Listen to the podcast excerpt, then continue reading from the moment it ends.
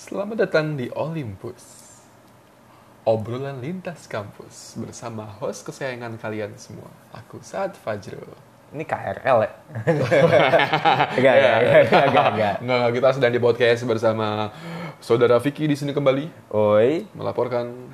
halo gue Vicky. Oke. Yang itu Saad tadi. Ya, halo. Jadi setelah di episode sebelumnya kami membicarakan Banyak kuliah banget hal. yang intinya sih bedanya kuliah di UNS sama di UI. iya. Nah, kali ini kami akan enggak akan sih kan terlaksana ya. Iya. Kami sedang membicarakan. Kami sedang membicarakan, tapi belum mulai juga Belum ini ya? sebenarnya. Iya, kenapa kita Jadi berdebat kalau- bahas itu ya? Kami akan. Oke, tapi iya. bener ya sih kalau gitu akan ya akan ya. Berarti kita akan membicarakan Anjir, random banget. perbedaan kuliahnya anak rumahan sama kuliah anak kos. Yoi. Apa bedanya sih karena berhubung aku dulu waktu kuliah tuh sebagai anak rumahan. Yes, dan gue sebagai anak kos. Yang kalau setelah kuliah beres, aku tuh pulang ke rumah. Iya. Oh, jadi kupu-kupu ya ceritanya? Iya, kupu-kupu. Oh iya, Kuliah sedangkan- pusing, kuliah pusing. kuliah pusing, kuliah pusing. Iya. ya. Kalau saya apa ya hidup gue pas kuliah tuh gak jelas gitu kayak pulang iya tapi nongkrong iya Iya, tuh. organisasi iya Banyak juga lah. gitu Nah, itu cuy. Jadi yang enggak bahagia aja enggak juga. gitu Jadi iya ya? enggak kok tuh bahagia bahagia Sebagai anak rumahan tuh kendala pertamaku ini cuy. apa apa Kalau ada jeda antara kuliah. wah, wah itu iya sih Ya kan dulu tuh waktu aku kuliah dari rumah ke kampus itu jaraknya 11 km.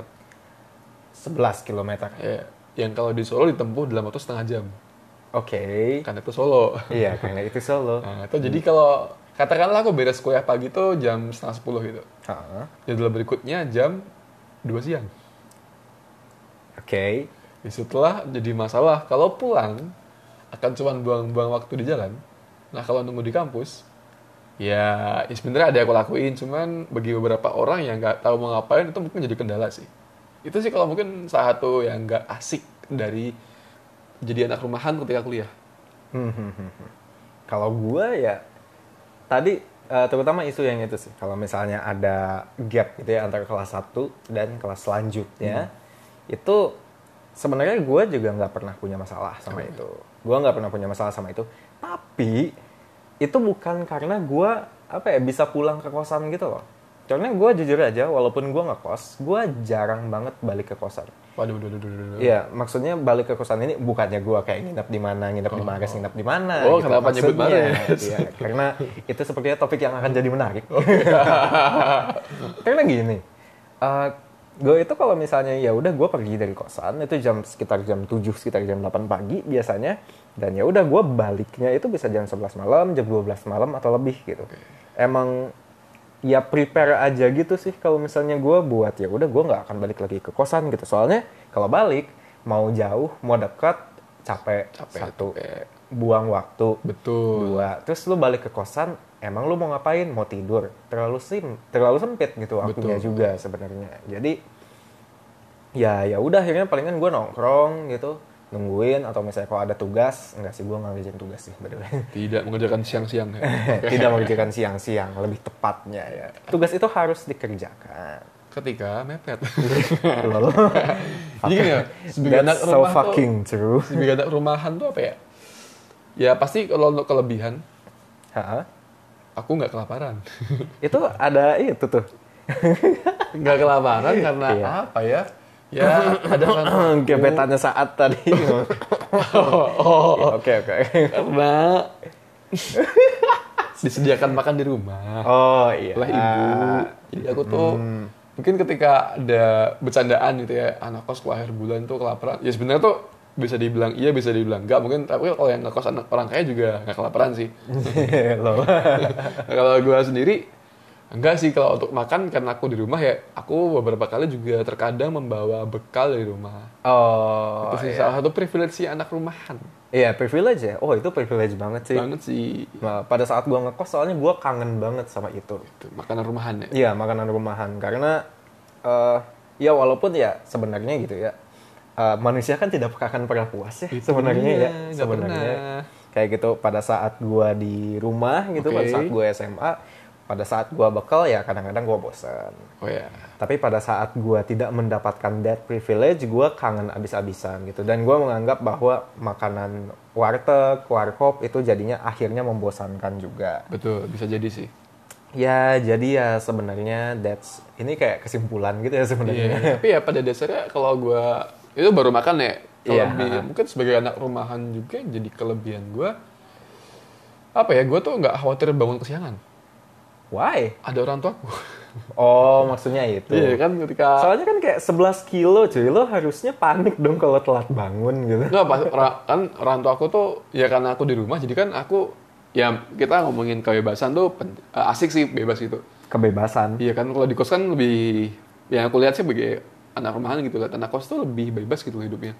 Hmm, Karena iya. karena nggak ada orang tua yang ngawasin satu Iya, satu. Pak, kecuali kalau ibu kosmu ketat gitu ada aturan lalala. Oh, iya. Nah, cuman kalau yang sebagai anak rumahan ya oke lah kebebasannya mungkin nggak sebebas anak kos. Ah, iya, iya. Cuman untuk hal-hal lain seperti ada yang ngingetin ketika bangun buat kuliah, terus pas sakit ada yang rawat karena ada orang tua kan.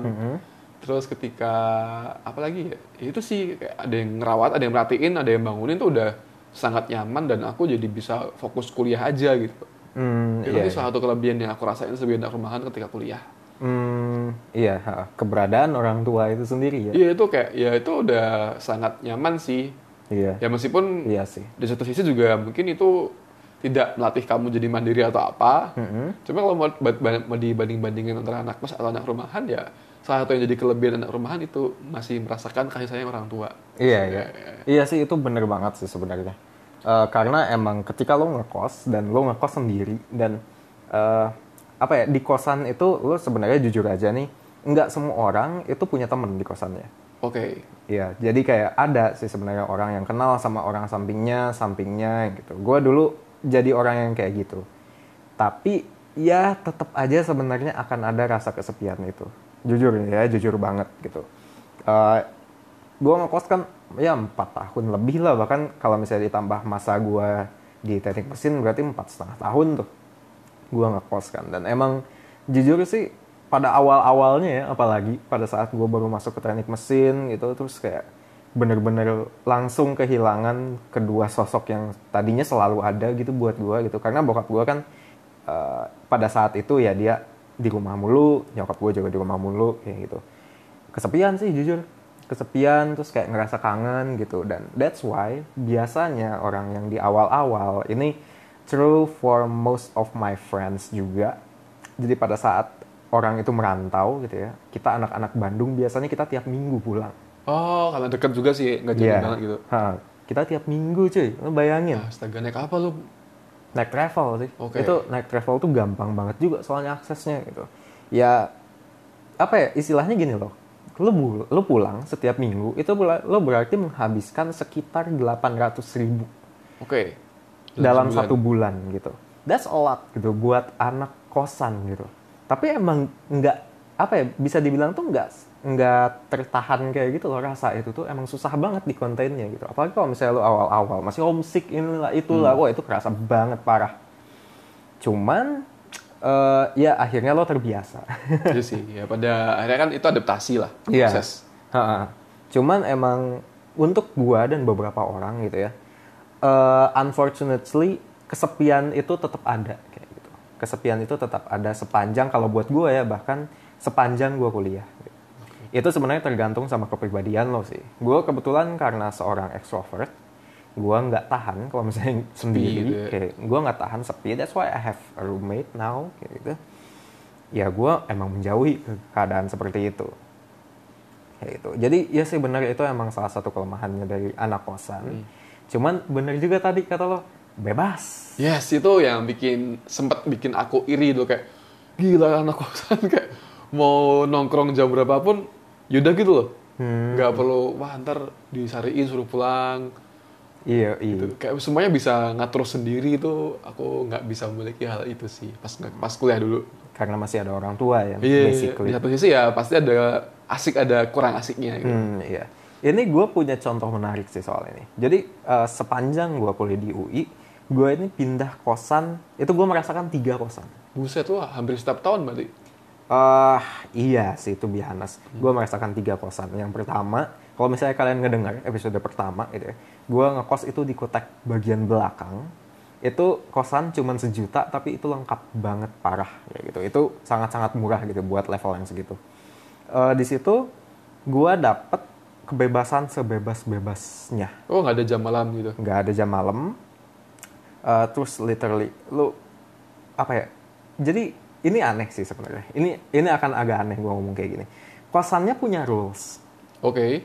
tapi rulesnya nggak terlalu dijalanin Oh berarti sekadar ada doang gitu. sekedar ada doang dan sebenarnya juga ini sebenarnya karena eh, gua itu cukup deket sama penjaganya Oke. jadi kayak dia kalau misalnya gua kayak ah ya udahlah gitu.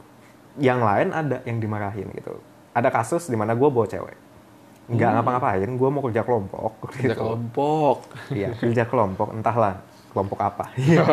kelompok? Iya. Anjir. Oke oke. Ya terus ya udah gitu. Tadinya ada peraturan bahwa lu nggak boleh bawa cewek gitu ke situ. Oke. Tadinya kita belajar di Teras apa ya? gitu. Ya di teras kayak gitulah. Cuman karena bising banget, Oh iya. bising Kosan banget. cowok. Akhirnya ya ya udah gua masuk ke kamar, nggak diapa-apain, pintunya masih gua buka tapi terus kayak lama kelamaan panas, terus kayak ya buka baju. what the heck enggak gua Oh oke kira. Ya, ini belum sesi Mares pak. Oke. Terus kayak ah lama-lama panas terus ya udah gue tutup gitu. Dan ternyata penjaga kosan gue sama sekali nggak pernah ngungkit itu. Oke. Ya kalau menurut gue itu mungkin ada dua dua alasan. Pertama adalah karena mereka nggak peduli. Ya, which is unlikely sebenarnya. Gue tahu mereka peduli. Gue sih lebih percaya bahwa mereka ini yang kedua. Mereka nggak enak sama gue. Oh, Oke. Karena gue dekat sama mereka. Nah sih cukup rumit juga. ya. kayak gitu nah cuman eh, jadi ada kasus di mana gue kemalingan motor di situ di kosan itu terus ya ya udah akhirnya gue mencari kosan lain karena gue nggak mungkin enggak apa- apa gue nggak mungkin ngekos di situ tanpa motor Oh iya jauh juga sih kutek belakang ya. iya heeh. terus gue pindah ke sebuah kosan bangsat Boy. ini gue benci banget sama ini kosan nanti gue akan ceritain Oke. Eh, harganya 1,5an nggak pakai AC Enggak pak. iya tapi karena ini deket banget gitu sama UI Oh lo jalan kaki bisa sampai kampus lah ya. ini like 10 langkah lu sampai UI Oke. Kutek depan. Iya, ketek depan. Apa? Exactly. Nah itu sih yang salah satu yang menyebalkan ketika tinggal di kosan yang aku lihat dan aku alami sekarang sih. Kayak kalau yang aku lihat dari anak-anak kosanku dulu pas di kampus, mereka tuh sebenarnya pengen pindah satu hal dua gitu. Cuma gara-gara mungkin barangnya kebanyakan. Oh iya, iya. Dan pindahan itu emang costly sih. Jadi, Itu bener-bener capek juga karena banyak barang yang harus disiapin. iya, Ya, ya aku lihat dari anak kosan juga. Karena aku sebagai anak rumah nggak nggak tahu itu sih. Iya, sekarang kan lo anak kosan nih. Iya. Dan makanya saat ini kayaknya agak males pindah gitu sebenarnya. Iya, aku udah pindah dua kali btw di Jakarta. Oh iya? Kurang dari setahun. Wow. Wow. Anjir gitu. itu apa ya dulu tuh pas aku kuliah ya itu sebenarnya karena ada orang tua juga. Jadi untuk beraktivitas di kampus kan aku dulu aktif di beberapa organisasi. Mhm. terus kan ngurusin event kampus lah dan lain-lain. Mhm. itu jadi suka pulang tuh bukan karena sebenarnya nggak disuruh pulang. Iya. bukan karena apa cuman gak enak sama orang tua. Hmm, karena kan ya aku pernah aku pulang jam setengah tiga gitu. Cuman ya itu yang bikin aku iri sama anak kosan lu kayak mau pulang jam berapapun suka-suka iya, gitu kalau mau ya kebebasan. karena orang tua lo basically nggak tahu gitu. Iya.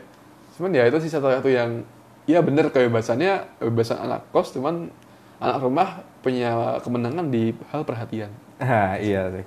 Oh ya by the way tadi yang soal yang kosan yang kedua ini, gue kesel banget sama kosan yang kedua ini karena peraturannya doesn't make any sense. Oke. Kalau menurut gue, satu dia punya aturan dan aturannya ya cukup ketat bisa dibilang. Dan yang kedua it doesn't make any fucking sense. What is that? Gini, gue bahkan nggak boleh ngebawa orang tua gue buat nginep. What? Oh, oke. Kayak anjir lu mikir gak sih gitu? Itu orang tua aja. Dulu udah Itu bayar- orang tua loh. Bayar mahal. Iya gitu, kayak gua nggak peduli, uh, walaupun misalnya nyokap atau bokap gua itu harus ngebawa kartu keluarga, ini tuh orang tua gua gitu. Iya. Kayak what the fuck? Aturan macam apa itu? Kayak gua tuh nggak ngerti sama sekali ini tuh apa. Dan pada saat gua nanya ya si penjaganya ya karena ya basically dia penjaga ya dia bukan yang bikin aturannya. Dia juga nggak ngerti. Jadi dia cuman kayak ya mas Ikutin udah aturannya kayak gitu ya mas Oke. udah aturannya kayak gitu ya mas udah aturannya kayak gitu. What? Gitu. Itu yang pertama. Terus yang kedua adalah ada jam malam.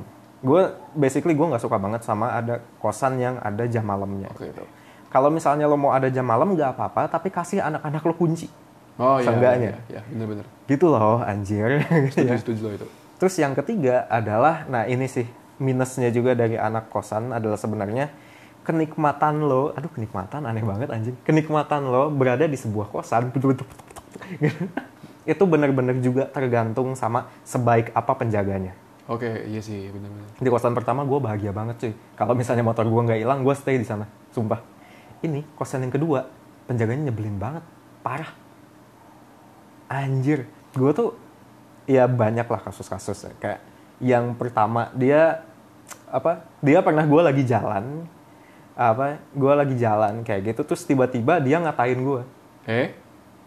apa gue gua nggak tahu itu tuh.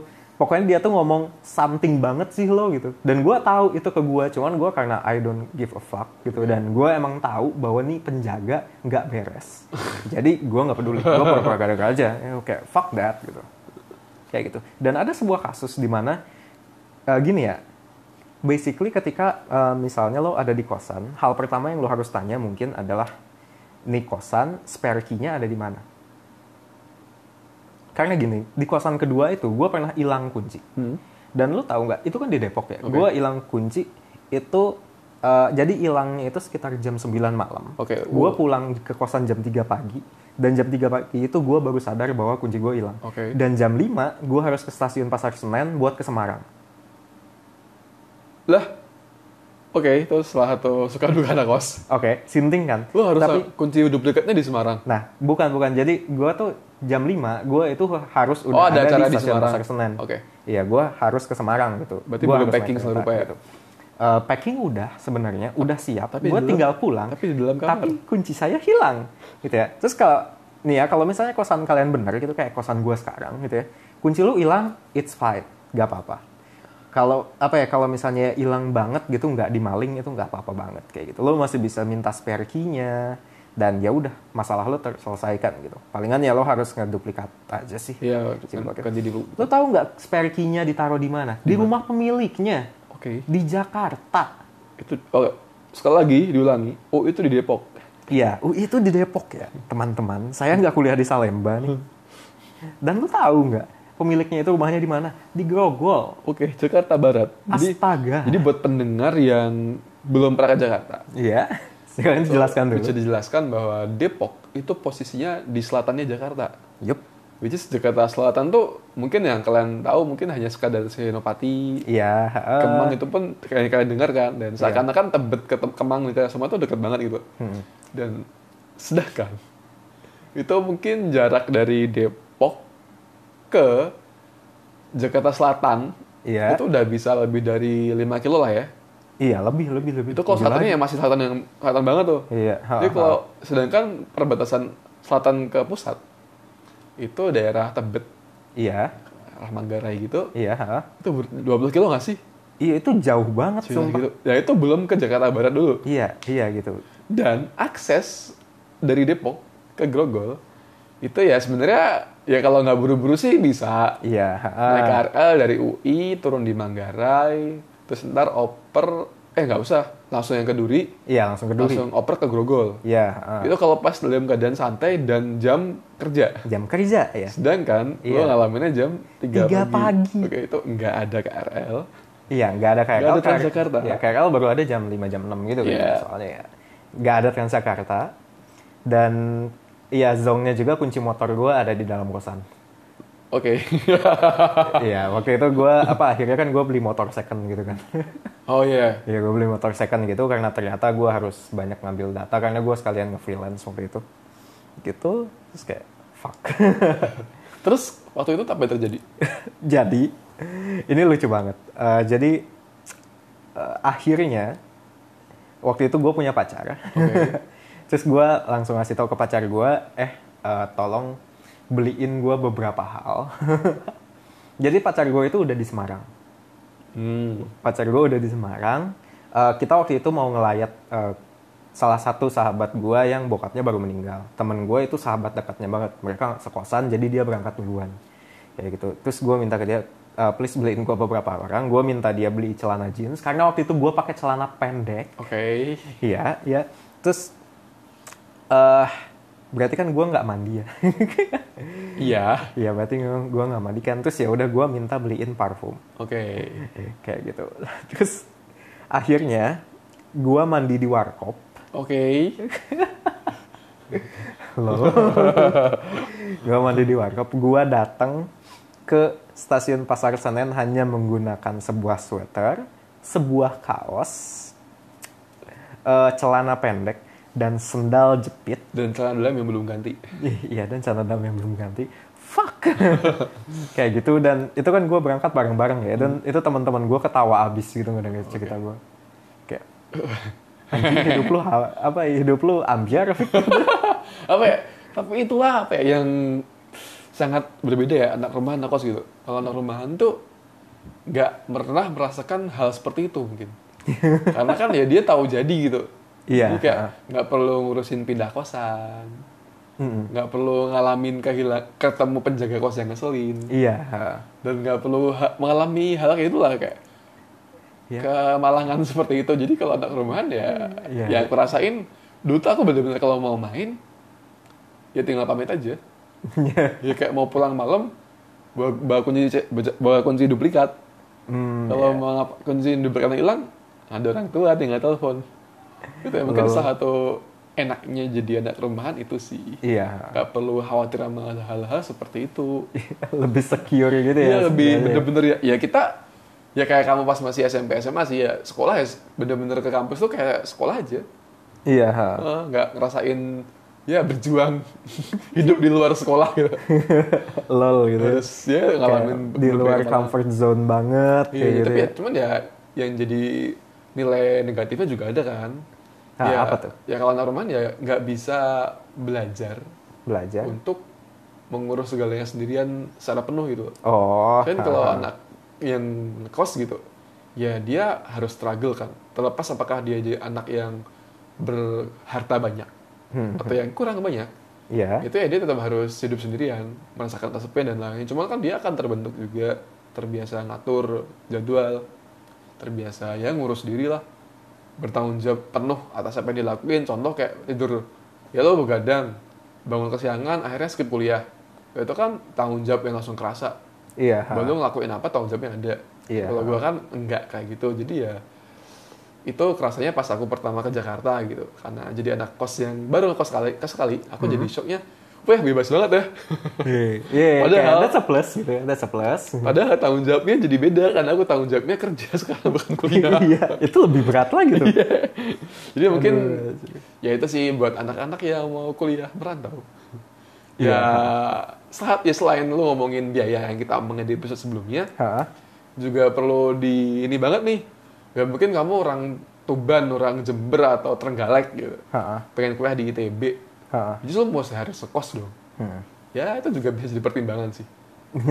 Kalau bener-beneran Ready? iya, kalau enggak ya itu hal yang niscaya gitu loh, yang akan terjadi loh mandiri gitu loh. Hmm. Jadi yang ngekos tuh salah satu cara belajar yang menurutku sebagai orang yang melihat setelah lulus gitu, Hah? itu perlu buat dilakuin sih. Hmm. Iya sih, perlu. Dan ini juga sih, eh, ketika kita ngomongin soal tinggal sendiri ya, in general gitu ya, eh, gua ini sebenarnya ada kejadian unik juga pada saat gua ngekos di eh, kosan gua yang kedua itu. Apa? Eh, salah satu teman kosan gua bunuh diri. Eh serius. Iya, seriusan. Kos yang nyebelin itu. Iya. Oke. iya. Jadi eh, mungkin bukan temen ya, kenalan lah. Tetangga kos lah ya. Ya gue gua tahu sama dia. Kita satu gedung gitu kosannya. Kosan itu beberapa gedung. Gue segedung sama dia. Gitu. Eh, dan ini juga sih sebenarnya ngekos itu bukan cuman ngomongin soal apakah lo sanggup untuk hidup sendiri atau enggak gitu. Oh, Tapi juga apakah eh, gimana ya bilangnya? Hmm, apakah lo siap untuk bisa beradaptasi untuk hal tersebut? Karena gini, eh, salah satu eh, kalau menurut gue sendiri ya ini ya dari banyak kasus yang gue lihat soal apa suicide kayak gitu-gitu. Eh, biasanya eh, rate of suicide orang resikonya itu akan jauh-jauh lebih tinggi ketika dia nggak punya support system yang benar-benar bagus. Dan ini jujur aja resikonya anak kosan buat terkena hal tersebut kalau misalnya dia nggak bisa beradaptasi dengan cepat di lingkungannya, nggak bisa langsung dapet temen, let's say, ini gede banget resikonya. Wah, itu ngeri banget sih kalau kamu nggak terbiasa untuk bergaul Nah, secara iya. mandiri. Nah, iya, ha-ha. Dan nih asal kalian tahu juga nih ya, eh, gimana ya ngomongnya ya, yang lebih enak dan nggak menggurui gitu. Nah, gini, eh, kalau misalnya kalian mikirin soal drop out gitu ya, kalau menurut lo kira-kira penyebab orang drop out itu apa sih? Tapi ya kalau yang sebagai mahasiswa yang sebenarnya tuh aku melihat awal aku kuliah tuh gini. Orang-orang pintar tuh asik ya, oh, bisa paham ini, bisa paham ini. Cuman setelah aku mencoba lulus gitu, ternyata pintar tuh gak ngaruh. Apa ya? Karena lebih ke mental. Kayak skripsian lu direvisi segala rupa, segala rupa. Hmm. Jadi yang aku lihat dari drop out drop out itu lebih ke kesiapan buat kuliah sih. Kesiapan buat kuliah. Soalnya kan mungkin orang mikir begitu dia keterima kal kuliah di kampus bagus gitu, Hmm. masalah selesai, Hmm. udah gitu. Cuman dia nggak mikir bahwa kuliah tuh beda loh. Hmm. Kuliah tuh ini loh, kuliah tuh harus ada yang lo, hal yang sebaiknya lo tahu itu sebelum beneran kuliah. Jadi ya mungkin yang yang akan dari orang-orang yang drop out, ya mungkin dia kurang bisa menguasai keadaan sih. Nah, iya, itu ada benernya. Jadi, eh, kalau dari apa yang gue perhatiin gitu ya, terutama teman-teman gue cukup banyak yang drop out gitu. Dan polanya itu biasanya ini ada dua hal. Yang pertama, agak struggling sama akademisnya. Oke, Tapi di sini ada kata kuncinya, agak gitu. agak ya. Nah, yang lebih gawat lagi adalah yang nomor dua sebenarnya. Mereka biasanya itu secara sosial mereka nggak bisa blend in sama lingkungannya. Iya. Dan ini adalah si apakah mereka bisa blend in sama lingkungannya ini adalah kalau menurut gue sendiri adalah prediktor yang jauh-jauh lebih akurat buat ngelihat seseorang itu akan drop out atau enggak. Karena gue dapat nih uh, pada saat gue di satu persen gitu ya kan gue nge-mentoring beberapa orang. Ada yang permasalahannya itu mereka udah sedikit lagi akan DO. Dan kesamaannya itu adalah sama. gitu. Ada pola di situ ya. Ada pola di situ. Polanya apa? Mereka nggak punya sama sekali teman. Astaga, bener sih. Mereka nggak punya sama Support, sekali nggak ada teman. support system. Iya. Dan yang kedua lagi apa? Mereka tinggal sendiri. Biasanya anak kosan. Dan yang ketiga apa? Biasanya orang tuanya keras. Oh, Oke, ini isu yang berat banget sih. Sebenarnya kayak ya bermata dua banget sih ketika kamu tuh ngekos tanpa kesiapan. Nah iya. ha. Jadi ya, ya gimana? Mm-mm. Ketika kamu kuliah tuh udah nggak kayak SMA cuy. Ya, ini kita nggak menyangka ya ternyata topiknya bisa jadi berat. Jadi kayak apa ya ketika Lalu? kuliah tuh contoh yang paling beda dari sekolah ya kamu tuh nyusun jadwal lu sendiri gitu. Iya. Ambil mata kuliah tuh bener-bener ya tuh tanggung jawab lu, lu ngambil lu lakuin. Iya. nggak ada yang tiba-tiba guru nyamperin kamu eh ini jadwalnya anak-anak Iya. di semester berikutnya nggak gitu men Iya. jadi ya tanpa kamu punya support system kacau sih Iya. ha. Ya, Dan ya, emang butuh kelompok dukungan gitu. Iya, dan makanya beberapa fakultas di UI itu pada saat ospek gitu ya. Eh, sebenarnya mungkin kita akan ada topik sendiri soal ospek. Kayaknya seru ya. ya ntar pentingnya ospek lah. Iya, penting. manfaatnya. Ospek sih ini sebenarnya. Cuman ya, eh, gua nggak akan ngomong apakah ospek ini positif atau negatif. Cuman biasanya di dalamnya eh, orang-orang emang dalam tanda kutip dipaksa buat blend in. Ini sebenarnya ada fungsinya. Fungsi bagusnya adalah mencegah untuk hal-hal kayak gini nggak terjadi. Supaya ya kalian satu angkatan bisa saling men- mengingatkan. Kalau misalnya tiba-tiba ada yang punya masalah, misalnya jadi bisa ada yang notice dan bisa dibantu kayak gitu gitu dan orang-orang yang nggak bisa langsung cope gitu ya langsung masuk ke dalam lingkungan mereka susahnya adalah di sini. Itu ini ini serius gue dapat banyak banget menti yang kalau misalnya permasalahannya adalah soal do do kayak gini biasanya masalahnya ini di situ gitu. Mereka temannya dikit banget gitu bahkan nyaris gak ada. Kalaupun ada ya kondisinya 11-12 gitu ujungnya sama mereka. Oke, ini jadi hal yang penting banget buat diketahui pada pendengar sekalian. iya Terutama yang masih SMA mungkin. Iya. Atau, atau mungkin awal-awal kuliah. Mhm. Yang masih berpikiran bahwa, wih asik ya ngekos. Hmm. Wih akhirnya bebas nih. Dikasih uang orang tua sebulan sekali, tiba-tiba banyak gitu. Tanpa ngerti bahwa nggak seasik itu loh kalau Iya. mau diseriusin. gitu. Iya, gitu. Kita kalau ya happy-nya ada sih ya kebebasan itu hal yang mahal kan kebebasan tuh. iya. Cuman satu sisi kamu butuh kesiapan. Ya tanggung bertanggung jawab tuh bukan hal yang sederhana gitu. Iya, ha. Terlepas sebesar apa pun tanggung jawabnya, ya tetap aja, apa yang tanggung jawabnya adalah beban. Hmm. Ya termasuk itu tadi. Kok ngeri sih? Iya, iya agak ngeri sih. Makanya biasanya kalau misalnya gue ngadepin anak yang kayak lagi kayak gitu gitu ya, biasanya yang gue bilang adalah kegiatan apa yang lo bisa ikutin yang sesuai sama minat lo. Yang lo tahu di dalamnya ada orang-orang yang punya minat sama kayak lo. Karena ya, ya basically kan sebenarnya ketika kita ngomongin soal pertemanan gitu, pertemanan jauh-jauh lebih gampang terbentuk kalau misalnya ada similarities. Ya ada kesamaan minat gitu. Iya gitu. Mungkin ya contoh gampangnya mungkin gue sama saat kenapa bisa rada cocok ini soalnya kita kita berdua sama-sama anak rantau. Sama-sama fuckboy. Iya. Wow wow wow wow wow wow wow. wow. Terus gue ngejahin lagi anjir. Topik Mares. Oke. Eh, ya sebenarnya ada ada yang lain lah ya. Ada alasan bahwa kita dulu kerja di satu tempat yang sama. Iya, gitu-gitu gitu. Banyak lah ya, tapi ya pada dasarnya ya kalau kalian masih kuliah atau akan kuliah, pertimbangin baik-baik deh. Iya. Selain tentang kuliahnya juga kehidupan kalian pas kuliah gitu loh. Nah, iya, ha. Karena ya Karena bisa jadi ujian utamanya ternyata di situ. iya di situ ya ya which is itu proses yang mendewasakan kamu juga. Yes. Tapi kalau emang kamu tidak begitu yakin dan tidak belum begitu siap, pikir-pikir dulu deh gitu. Iya, ha. Ya bukannya kita meminta kamu buat nggak kuliah. iya, ha. atau Nggak. ngekos atau Ya, atau jadi mungkin merantau ke tempat biar kamu bisa kuliah bagus. Soalnya beberapa temenku yang dia kuliah di tempat terkenal kayak UGM gitu. iya, ha. Dia akhirnya nggak kuat sih. Hmm. Karena dia nggak kuat sendiri. Nah, Jadi kan ya lu Aduh, buang sih. waktu selama setahun dong. iya. Karena lu harus skip waktu terus akhirnya dia kuliah di dalam kota. Oh, Karena iya. mungkin ya dia pengetahuan dia tentang suka duka ngekos pas kuliah tuh gimana kurang gitu nggak ada yang bilangin mungkin dia nggak punya kakak kan buat Iya. ngasih tahu nggak ke- nggak ada kenalan senior atau gimana jadi ya sebegitu beratnya efeknya gitu. Iya. ya oke kuliah di tempat bagus tuh oke banget Iya, oke tapi banget. bukan sekadar kamu keterima itu beres Iya, ha.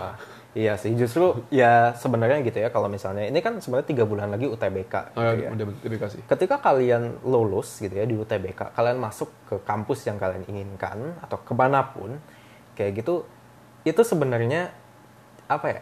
Tantangan buat kalian tuh baru aja dimulai. Baru dimulai. Jujur, baru aja dimulai.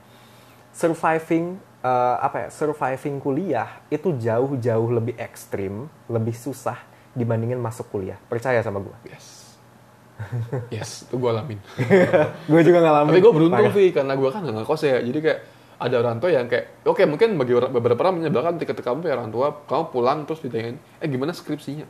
Iya. Pada posisi kamu udah semester 9, Hmm. dan belum nyusun sama sekali.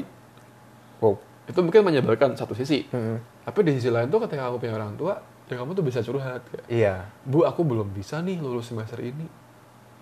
Dengan aneka argumen yang kamu siapin, yang mungkin bohong, Lol. atau gimana. Cuman ya itu sih enaknya tinggal sama orang tua.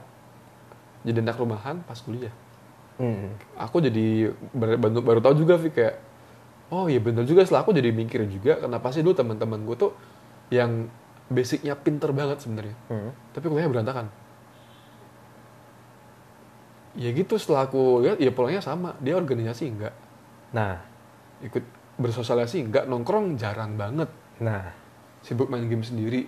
nah, itu kayak bener juga ya dia jadi berangkat meskipun pada akhirnya dia berbangkit ya iya. Pada akhirnya Pada orang akhirnya selalu bisa bangkit. dia bisa bangkit dapat pacar terus akhirnya lulus juga tepat waktu bahkan lebih lebih duluan daripada aku gitu. Lol. Nah, tapi ya berat banget ternyata gitu loh ketika Hmm. ngomongin kuliah dan hidup sendirian Iya. karena kamu belajarnya nggak cuma belajar di kelas kamu juga dituntut buat belajar hidup sendiri Iya, lo belajar untuk menyusun kehidupan lo sendiri sih pada akhirnya. kan kayak tanggung jawab menggunakan uang katakanlah ya Hmm. mungkin kalau kamu nggak terbiasa memanage uang dengan baik sekali transfer kamu ditransfer sebulan sekali contoh Iya. kalau kamu nggak pandai awal bulan dapet kamu foya-foyain Iya. akhir bulan ngutang sana sini Kelar hidup lo. ada juga yang kayak gitu soalnya Iya ada. Mm-mm. Terus ini sih sebenarnya Tapi eh, tadi juga sebenarnya melanjutkan premis di mana kan tadi kita bilang bahwa ini bukannya kita kayak melarang lo untuk jadi kuliah di luar kota gitu ya. Untuk mencapai pendidikan yang benar-benar lo pengen. Yes. Ada kok contoh anak yang sebenarnya benar-benar diremehin sama orang tuanya kayak ah lo nggak akan bisa lo. Iya, nggak bertahan Gitu. lo. Nggak akan bertahan. Tapi survive. Siapa? Saya. Oh gitu. Iya. Jadi orang tuamu tuh nggak yakin kamu pas setelah di UI gitu. Iya, gua tuh jadi isu pertama ketika gua pindah ke UI adalah gua nggak boleh, gua Oh, nggak boleh. Karena itu harus ngekos gitu. Iya, karena gua harus ngekos. Eh, nyokap gua nggak percaya sama sekali bahwa gua bisa gitu. Ya alasannya karena nggak tahu sih mungkin mereka menganggap gua belum cukup dewasa dan sanggup untuk men- apa ya mengurus diri aja sih sebenarnya. Padahal kalau misalnya dipikir-pikir ya semuanya simple aja gitu. Simple. Sebenarnya bisa aja. Bisa. gitu. Jadi ini Tapi- sih, Hmm? aku sebenarnya jadi pengen nanya, Fik. karena aku dulu nggak ngekos ya, jadi aku Iya. nggak tahu. Kalau dari apa yang lo lihat setelah lulus gitu, Hmm? apa sih yang manfaat dari lo ngekos selama kuliah? eh sebenarnya banyak sih. Banyak sih kalau menurut gua gitu ya. eh kalau gua sendiri merasa bahwa dengan gua ngekos gitu ya, terutama dengan gua merantau lebih luasnya lagi itu, gua bisa dapat sebuah perspektif baru yang jujur aja nih kayaknya berharga banget dan nggak akan gue bisa dapetin kalau misalnya gue terus-terusan tinggal di Bandung. Oke. Eh, contohnya gini sih, gue dulu pernah ngobrol sama seorang teman, kita bahas soal ini juga kayak Hmm. gitu. Kita tuh mengibaratkan tinggal di Bandung itu kayak kita tinggal di dalam sebuah sangkar yang tiang-tiangnya itu terbuat dari emas. Dan lo bisa pandangin itu setiap hari. Gitu. Ya, Bandung tuh enak gitu, tinggal di Bandung tuh enak banget. Asli, gue juga Dingin. ini sebenarnya. Dingin. sejuk, sejuk. Dingin ya, sejuk. Kemarin tuh gue pulang ke Bandung ya dingin banget, parah anjir. Gak ngerti gue kenapa. Sejuk, terus udah gitu ceweknya cakep-cakep. Kan ya. Wuh, iya, Gila saya lah. suka mereka. ya gitu parah lah pokoknya cewek cakep-cakep tempat main banyak banget Makanan enak. iya makanan enak dan kan Bandung itu sebenarnya tipe orangnya tuh tipe orang nongkrong kalau Iya. misalnya kalian perhatiin Tipe- Terlihat betapa banyaknya barkop dan lain-lain. iya ha. beda sama Jakarta Jakarta tipenya lebih ke party gitu. Iya, biasanya beda nongkrongnya. iya beda gitu kalau Bandung nongkrong gitu lo akan selalu punya banyak teman di situ gitu cuman ya ya udah gitu dan ini jujur aja banyak dari teman gue yang bilang bahwa hal-hal ini sebenarnya emang agak menghambat eh, apa ya perkembangan orang-orang Bandung itu sendiri karena Oke. orang Bandung jadi terlalu nyaman sama Zona nyaman ya. Iya, terlalu nyaman sama ya udah Sama Bandung ya? mereka sekarang kayak gitu kayak anjir udah enak banget gitu secara itu. Gue pindah ke Depok, culture shock abis, Panas, panas. macet. Tem- Iya, kalau macet Bandung juga Bandung macet juga. sebenarnya. Tapi yang paling ya pertama panas gue nggak terlalu mikir sih.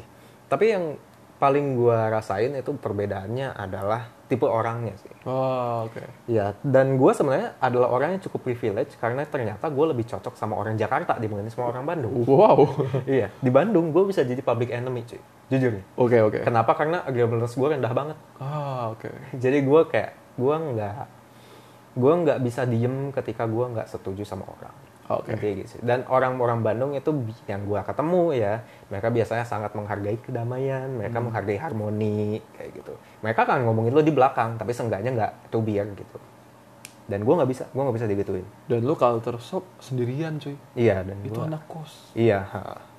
Dan ya kada sinting lah. Dan di situ gue bener-bener belajar eh, satu hal yang bener-bener penting banget dan kayaknya adalah core dari episode ini, yaitu adaptasi. Adaptasi.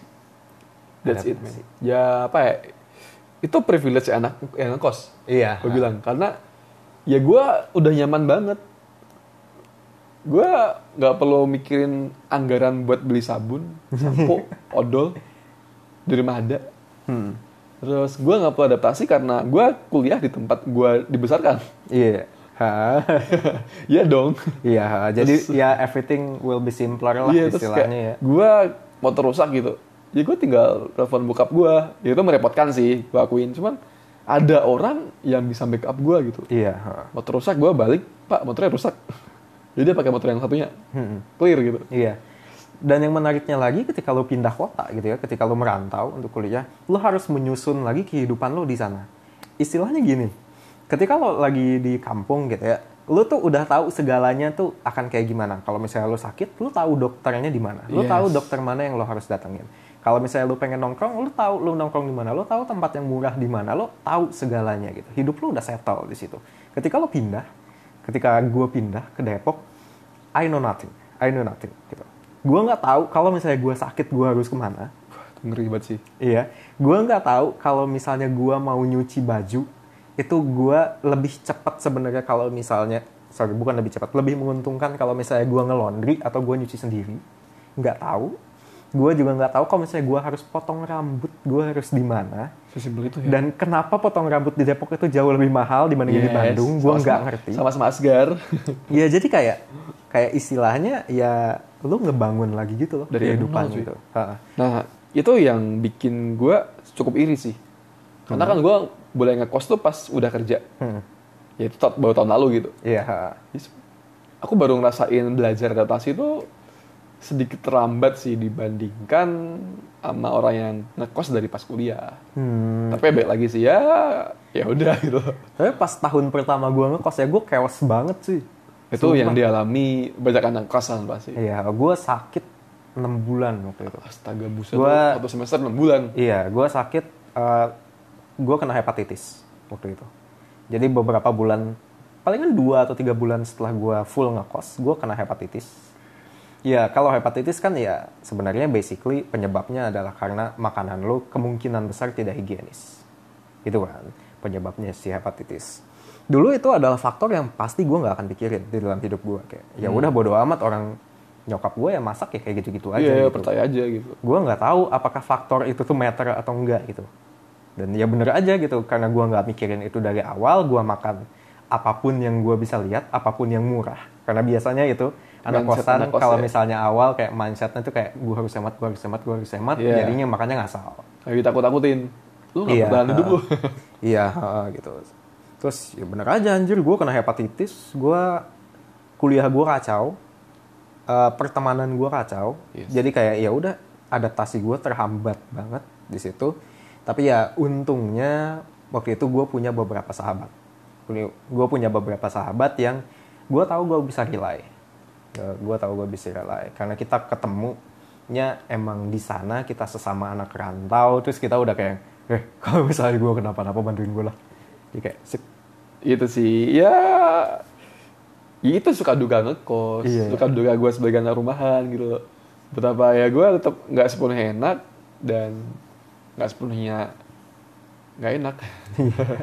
Iya bener-bener ya gue kalau gue jujur sendiri ya karena saking gue iri gitu gue malah lebih sering nginep di kontrakan temen. Eh bukan lebih sering sih sering. Mm-mm. sering nginep di kontrakan temen atau kos temen gitu. Bahkan dari aku awal kuliah gitu dari semester satu pun aku udah kalau weekend gitu Jumat malam gitu kan. Kan kuliah cuman saat Senin sampai Sabtu Jumat gitu di kampus kuliah dan namanya maba tuh biasanya masih full gitu paketnya dan kita nggak bisa belajar sendiri dipaketin nama kampus. Terus ya aku jadi pengen ngerasain kan kos gitu. ya aku jadi nebeng-nebeng aja. Iya bisa empat hari nggak pulang.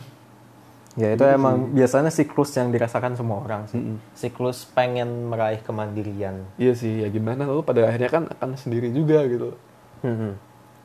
Ya ada positif negatifnya positif sih. negatifnya Wah gila episode ini serius sekali. iya cuman ya bagi kalian Iya. yang sudah kuliah Mm-mm. ya carilah teman Iya sih. kalian ngekos ya terutama yang ngekos ya terutama yang enggak juga itu harus punya teman juga Hmm. karena ya sebagaimana yang Vicky ceritain tadi ya itu lu sendirian cuy sakit sendiri Iya. bingung sih. sendirian dan ya akhirnya banyak yang kuliah terbengkalai Iya. oh bahkan suicide Wah, Iya, bahkan suicide. Separah itu gitu.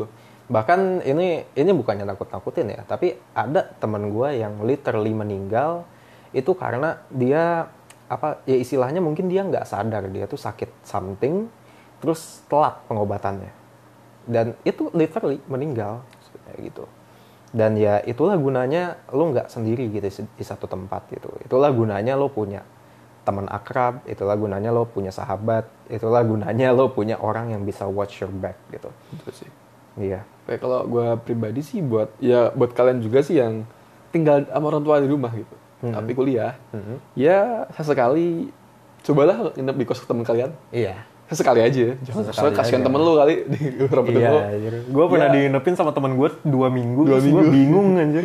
kesel juga kan iya, terus gue bingung. Gue nggak kesel sih kalian ya, ya ekstrovert. ya oke jadi ya apa ya kayak, supaya lu kenapa? kalian, supaya kalian tahu aja sih supaya ya ngerasa sedikit merasakan betapa ya ya itulah hidup sendiri gitu Iya. ha. meskipun nebeng kan berdua berarti kan. Terus apa ya ya bergaul tetap ya orang tua kalian tetap harus dikasih waktu buat berga- bergaul sama orang tua kan Iya. ha. cuman ya perbanyak ke kampus Nah, iya, itu penting juga. soalnya sebagai anak rumahan nih banyak temen gua yang akhirnya temennya nggak banyak di fakultas lain. Hmm, karena ya dia kan jadi kupu-kupu gitu karena Iya. ada orang tua segala rupa kan. Jadi dan dia kayak ada yang nyaman ngapain repot. Iya. mungkin kalau anak kosan dia kan habis kuliah ya kan dia ke kos juga ngapain gitu loh. Hmm. sendirian kecuali gamer atau apa. Atau ada kerjaan atau tugas. Akhirnya kan jadi ya mencari kesibukan dengan nongkrong di fakultas lain cari organisasi atau ngurus event yang bikin lo ketemu orang lain. Nah itu yang jadi tips gua buat anak-anak yang anak rumahan tetap lo harus bergaul sih kita teralihkan karena kok tiba-tiba monitor laptop, eh monitor PC nyala sendiri, terus kita bingung. ya sudahlah. ya sudahlah Ya Itu sudah. sih ya tetap cobalah bergaul tetap jangan sampai itu jadi penghambat kalian buat berkembang Hmm, ya ya jangan sampai lah gila iya sih. lu kuliah manfaatin segala fasilitas kuliah lo gitu Iya. ha. Dan well, ya itu sih. Kuliah itu kan sebenarnya bukan cuman sekedar uh, apa benar-benar teori yang kalian pelajarin pada saat kalian kuliah kan. Kalau gue sendiri emang selalu melihat bahwa kuliah itu tuh adalah hal yang bisa jadi paling penting yang akan kalian lakukan. Kenapa? Karena kalian di situ diperlihatkan dari jendela kehidupan asli itu kayak gimana.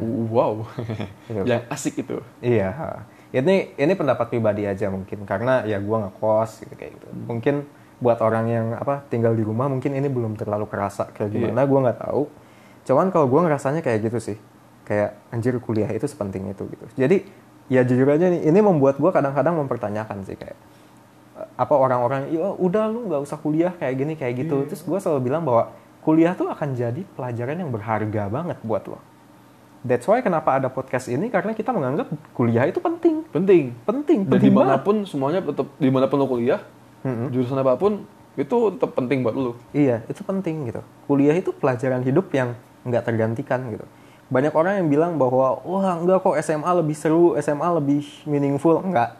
Kuliah kok. Lo akan belajar lebih banyak hal di kuliah. Kalau kuliah lo bener. ya ya mungkin yang ngomong SMA lebih meaningful ya kuliahnya gak asik iya sih, itu, itu sih. Coba. Cuma kalau ini gue pengennya deh, kalau dari lo kan yang udah ngekos pindah-pindah selalu pak, Hah? apa sih tips untuk jadi anak kos yang berhasil, Jadi tips jadi anak kos yang berhasil. yang survive gitu? Oh, iya. gue pernah ngasih tips ini ke beberapa orang. Pertama, cari temen yang cepat. Itu ya, Iya, sekrusial itu ya. iya, sekrusial itu gitu. Kalau bisa lo apa ya, dapat event pertama gitu yang lo bisa ngobrol sama orang yang ada di satu lingkup sama lo, langsung lo kayak ajak ngobrol siapa pun. Sumpah, gue nggak peduli mau berapa orang, yang penting please ajak ngomong satu orang. Berarti begitu dia dap masuk kampus nih, Hmm. dapat kosan pertama, kenal sama tetangga ya, Let's say, Let's bisa. say gitu ya. kayak ya, gitu. lo enggak ya punya temen kampus yang akrab banget gitu. Iya. Oke. Atau ya misalnya pertemuan pertama ospek lagi nunggu, ajak ngobrol kanan lo, ajak ngobrol kiri lo gitu. Mereka adalah orang-orang yang bisa aja menyelamatkan hidup lo keempat empat tahun dari saat itu. Oke, itu tips pertama nih. Iya. Cari temen, Iya, biar bertahan hidup di kos. Iya. ha-ha. Tips yang kedua, kalau nggak tahan, find a roommate. Oke, Ini penting banget. Tapi wah kalau misalnya kita bahas roommate, sumpah ini bisa panjang banget. Cuman gini intinya. eh banyak orang yang nggak berani dapat roommate itu karena orang tuanya biasanya bilang bahwa eh jangan jangan dapat roommate nanti soalnya apa lu rawan berantem kalau sama roommate gitu. Biasanya eh, apa orang tua orang tua bilangnya kayak gitu sih kalau setahu gue gitu ya. Itu ya sebenarnya ya masa sih lu nggak bisa kompromi sama roommate lo? iya. Iya. Belajar komunikasi lah. Iya, belajar Dan komunikasi. resolusi konflik. Iya, belajar resolusi konflik juga, belajar untuk menghormati orang lain di space yang sama. Itu itu bisa jadi pelajaran yang penting juga buat lo. Dan membantu lo bertahan hidup di kehidupan anak kosan. Iya, gue ini juga pernah nih gue gue sakit, gue sakit. Gue nggak tahu itu gue sakit apa, tapi gue curiga waktu itu gue DBD. Itu literally yang ngebawa gue itu temen roommate, itu roommate gue, roommate gue yang sekarang gitu kayak. Jadi gue tuh panas beberapa hari. Terus pas gue lihat tangan gue, kenapa tangan gue merah-merah ya? Terus bentol gitu ya? Iya, apa ada bentol-bentol terus kayak ada spot merahnya gitu. Itu kan DB ya Iya, biasanya kalau misalnya pertanda. gitu. Terus gua nggak ngeh, gua nggak ngeh. Roommate gua yang ngeh. Eh, Fik, tangan lu kenapa? Anjir, ke rumah sakit yuk sekarang. Sumpah, dia sendiri yang bilang kayak gitu. Emang orang lain itu sepenting itu, boy. Itu cu, itu tips kedua. Ya cari cari temen. Iya. Kedua, ya kalau lo bener-bener nggak sanggup sendiri, cari temen buat ngekos bareng. Iya, cari teman mau kos bareng kayak gitu. Iya, kalau gue sih expect-nya gini soalnya. Eh, lo misalnya SMA nih, lo SMA, terus lo masuk ke univ, ya lo nggak mungkin sendiri sih dari satu sekolah itu yang masuk ke situ. Kecuali special case ya gitu, misalnya lo dari daerah mana, Iya, atau homeschooling. Iya, atau juga bener juga kayak gitu. Cuman itu kalau menurut gue unlikely, Oke, unlikely. Lo pasti bisa menemukan satu orang kayak gitu. yang cocok. Itu yang kedua Itu kedua cuy tadi udah. Ketiga sekarang. yang ke- iya itu yang kedua tadi yang ketiga adalah ikut kegiatan sebanyak banyaknya Biar sibuk ya. iya biar sibuk make friends juga Hmm, itu cara paling gampang buat make friends sih karena lo tahu lo punya interest yang sama ujungnya Yes, bener sih bener-bener. Ya itu sih ya kayak ya suka duka. Ya pada prinsipnya diulangi lagi sih. Yakinkan diri kamu iya sebelum kamu memutuskan buat jadi anak kuliah ngekos atau gimana karena di depan sana setelah kamu milih ada konsekuensi harus kamu tanggung sendirian. Ya. Apa aja tuh kira-kira konsekuensinya bos? Satu kesepian. iya Itu udah kesepian ganggu banget. Lu sakit nggak ada yang ngurus. lol. Bangun ke, eh, ke- begadang nggak ada yang bangunin area bisa skip kuliah. Hmm. dan lain-lain sih. Itu kesepian udah kasih konsekuensi banget. Belum kalau lu nggak pinter manajemen waktu.